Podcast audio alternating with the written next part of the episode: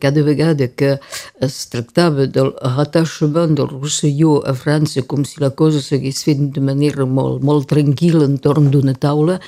vaig voler intervenir per dir que no es tractava d'un rattachament, que es tractava d'una annexió que es va fer en el dolor, que es va fer en el sang, que es va fer amb un setge de Perpinyà terrible, que es va fer amb exilis. Tota la gent que coneix un poc la història del Rosselló sap el que va ser el període de l'annexió del Rosselló per França i que em sembla que cal tenir cap a aquestes coses molta precisió